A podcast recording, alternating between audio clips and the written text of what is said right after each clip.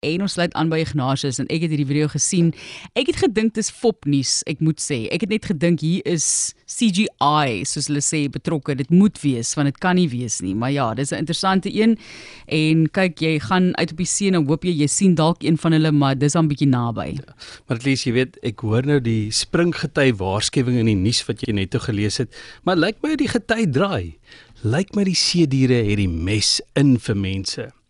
Gister het ek jou vertel van Sanakchi, van die Suid-Koreaanse man wat gestik het en toe 'n hartaanval gekry het van seekat eet wat nog beweeg. Vandag is dit 'n 55-jarige Australiër, Jason Breen wat deurloop. Dis die eerste keer wat ek van wingsurfing hoor. Die man is daar op sy branderplank met 'n klein seiltjie in die hand, ervaar die vryheid wat 'n branderplank bring. Toe, boem!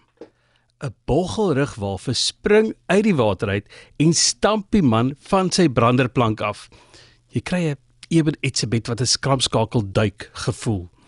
Die walvis neem die man se down under status toe letterlik op en sleep hom saam die water se onderwêreld in. So na 20 of 30 voet breek die band, die tou wat die man aan sy branderplank verbind en kom die breek van iets wat nie veronderstel is om te breek nie tot sy redding. Los van die bord kon hy onder die walvis uitkom. Hierdie is nie jou tipiese visserman storie nie. Jason Breen se GoPro was aan en daar is beeldmateriaal van die man wat weggekom het.